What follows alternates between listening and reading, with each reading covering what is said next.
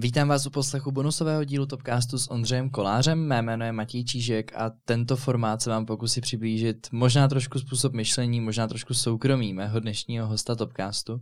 Budeme samozřejmě rádi, pokud si poslechnete celý díl Topcastu, který najdete na podcastových platformách.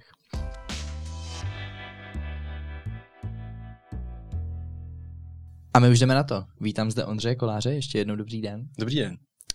Moje první otázka míří již tradičně v bonusových dílech na kulturu.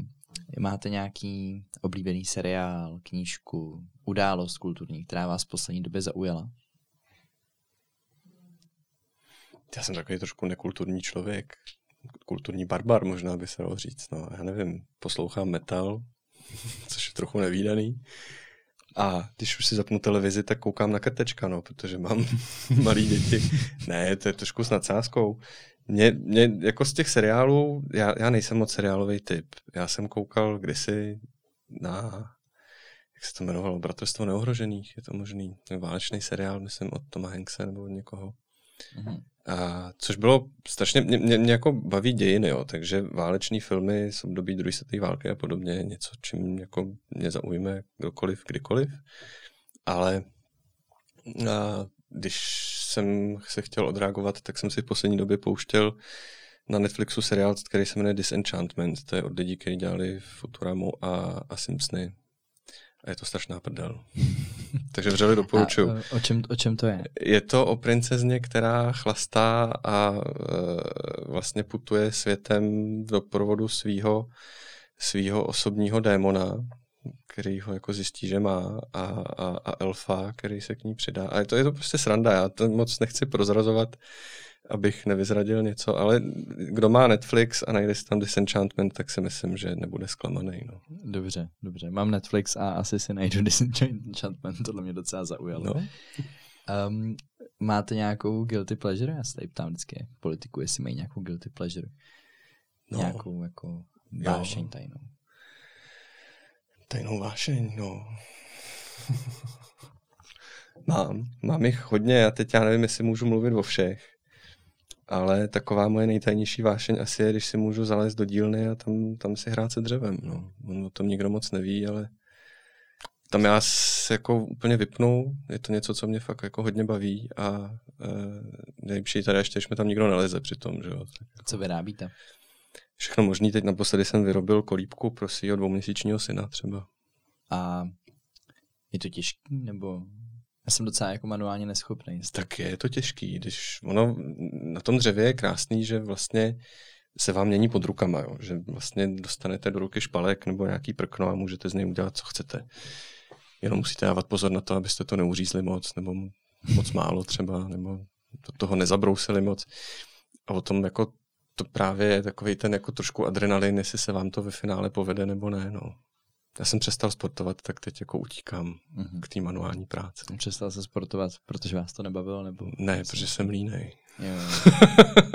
ne, já jsem měl zdravotní problém, já jsem 12 let závodně vesloval a, a pak se ukázalo, že tím, že jsem jako rychle vyrost a to tělo nedokázalo úplně unést tu, tu zátěž toho vrcholového sportu, tak mi odešly kolení chrupavky prakticky. Takže jsem toho nechal ze zdravotních důvodů. Ve 23 jsem odděl mistrovství republiky, nechal si na krk pověsit medaily, uklidil jsem loď a vesla, potřeba si rukou s partnerama a nechal jsem toho, no.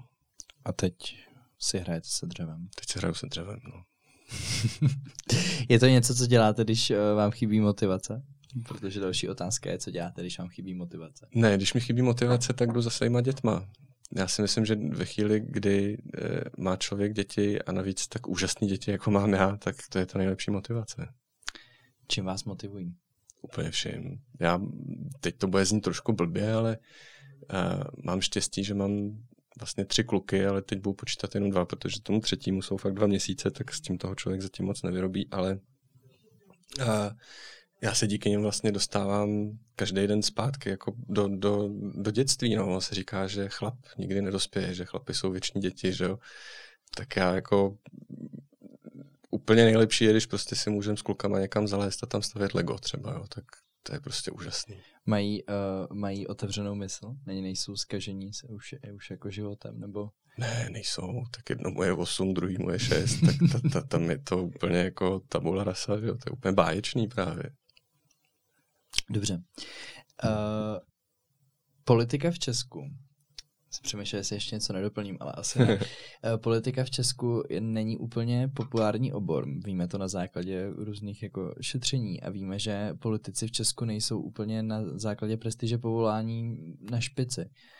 Uh, vy jste politikem a já se tady politiku ptám, co je na politice baví a proč, proč do toho vlastně jdou, protože to je vždycky jako, říká se jít z kůží na trh, že jo? je to hmm. jako obětování nějaké části soukromí, života a tak dále.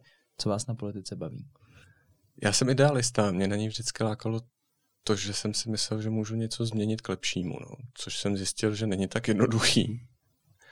A, protože spousta lidí se uchyluje spíš k takovému jako zvláštnímu politikaření, než aby doopravdy chtěli něco udělat a, a, a chtěli, aby po nich něco zůstalo, nějaká stopa pozitivní.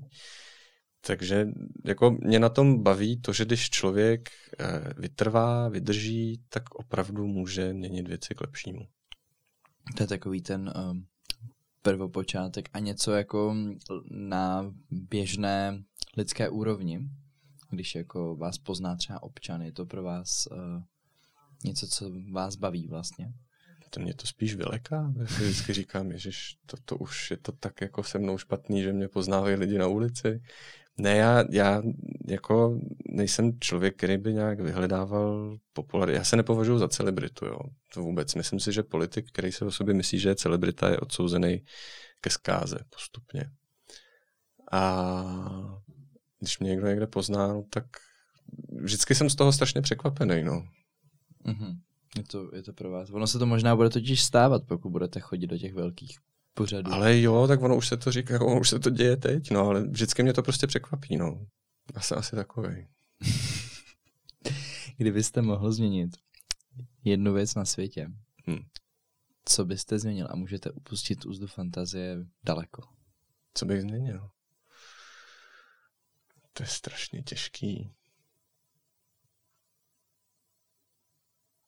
To je jako, uh, obvykle se tady zbavujeme různých vlastností, že mm.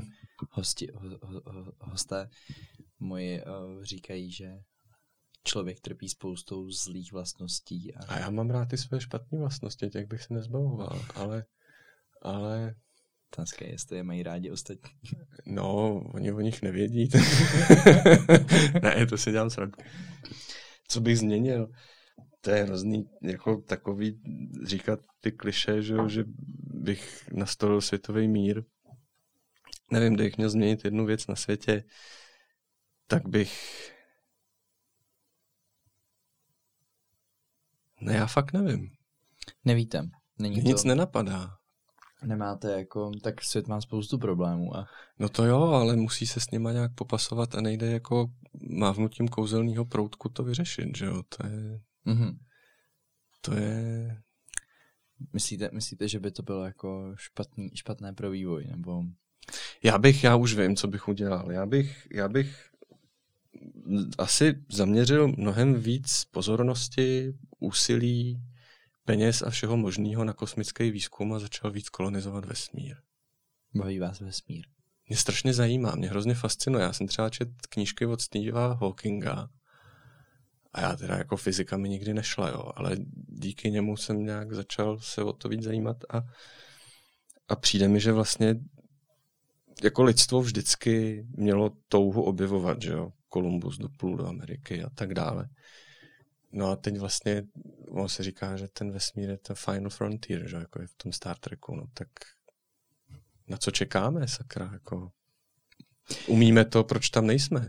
Možná, možná to není tak uh, po- popularizované. Ono se říká, to že je škoda. Vlastně, to je škoda.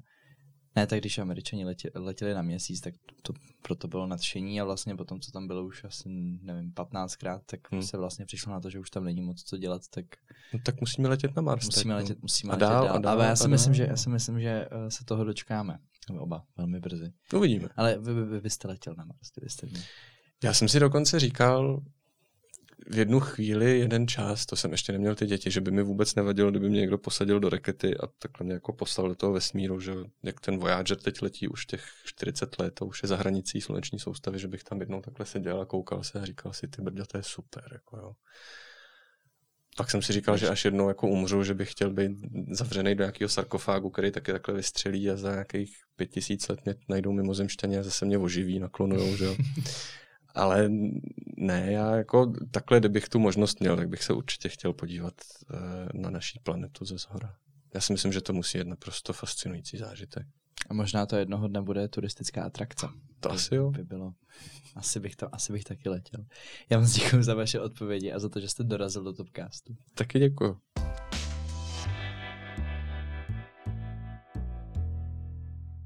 Toto je z dnešního bonusového dílu Topcastu vše. Pokud se vám náš podcast líbí, budeme rádi za sdílení a příští týden se můžete těšit již na nový díl Topcastu. Děkujeme moc, že posloucháte.